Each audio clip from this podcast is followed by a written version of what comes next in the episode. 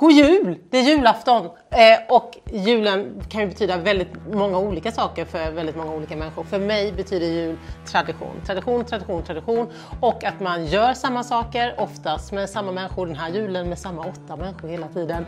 Och vi äter samma saker och jag ska dela med mig av det bästa receptet eh, på hela julbordet. Alltså den bästa rätten på hela julbordet. Vad kan det vara? Mm, gissa? Är det köttbullarna? Nej, mm, de är goda. Är det senapen? Den är god. Det kan man också göra själv. Jag har köpt min. Nej, det är långkålen. Halländsk långkål. Titta, ser ni vad fin? Man vill, man, vill, man vill ju nästan inte äta upp den fast man vill bara äta upp den. Och nu ska vi se hur man gör denna underbara rätt. Jag vet att många av er sitter och säger ja men precis, jag känner samma som hon. Det är ju långkålen som är det absolut bästa på hela julbordet. Man börjar med att skälka eh, kål. Eh, ingefära ska vi ha, eh, vitlök. Och sen, efter att man har skälkat, så, börjar, så kanske man tar lite pepparkaka. Ta av bladen på kålen. Man hackar den så här, eller skär den i små bitar. Så små man orkar med. Och efter att man har gjort det länge och väl så tar man en dunk, bunke, häller ner vitlök. Samma sak här. Bara skala mycket vitlök. Eller på mycket, det är ju relativt. Jag tar tre klyftor vitlök. Skala. Bra om man hittar en bra skalare för det här också. Man gör så här. Nu har jag hackat eh, vitlök som jag lägger i samma bunke som kålen. Så också ge mig på, jag skulle skriva, den skalan var inte den bästa. Det är alltså grönkål, vitlök, ingefära, salt, eh, vitpeppar, buljong, grönsaksbuljong, eh, eh, grädde i någon form eh, och eh, smör. Smör. Smör. Mycket smör. Och sist men inte minst honung. Nej, sirap. det är de få ingredienserna.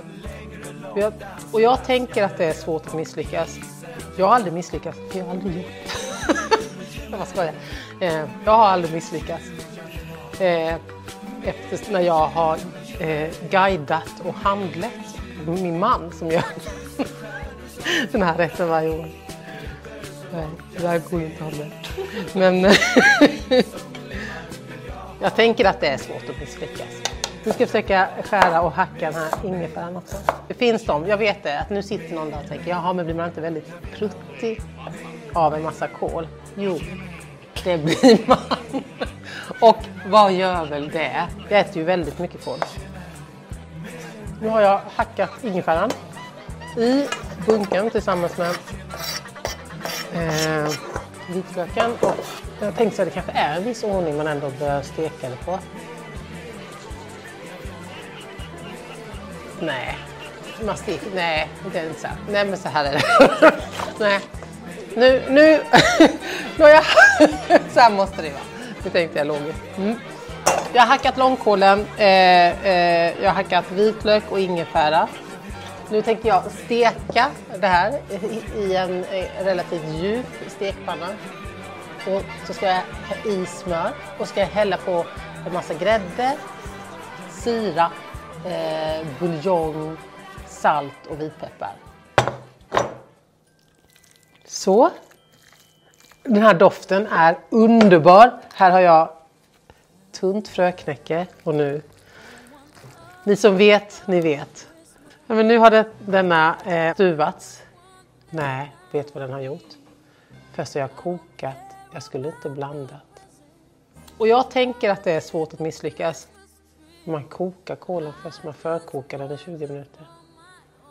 Jag har aldrig misslyckats. Jag är avslöjad. Men så att jag skulle kanske inte blanda. Jag har hackat långkålen, eh, eh, jag har hackat vitlök och ingefära. Nu tänker jag steka det här. Först förväller man och sen så lägger man i det. Mm.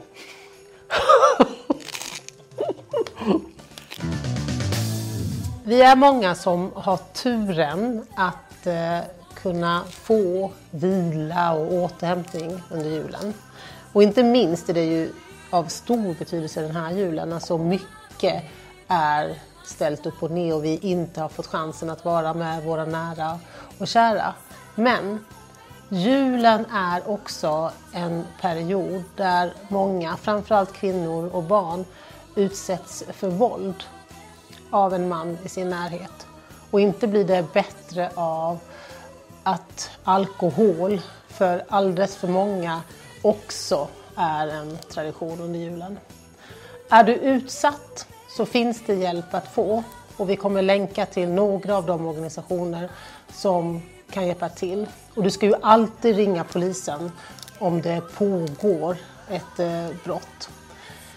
För oss eh, som hör eller eventuellt misstänker att ett eh, brott håller på att ske eller att vi bara hör konstiga ljud eller skrik, då är det ju alltid bättre att visa civilkurage, att knacka på, även om det är julafton eller juldagen eller annandagen och fråga hur det är ställt.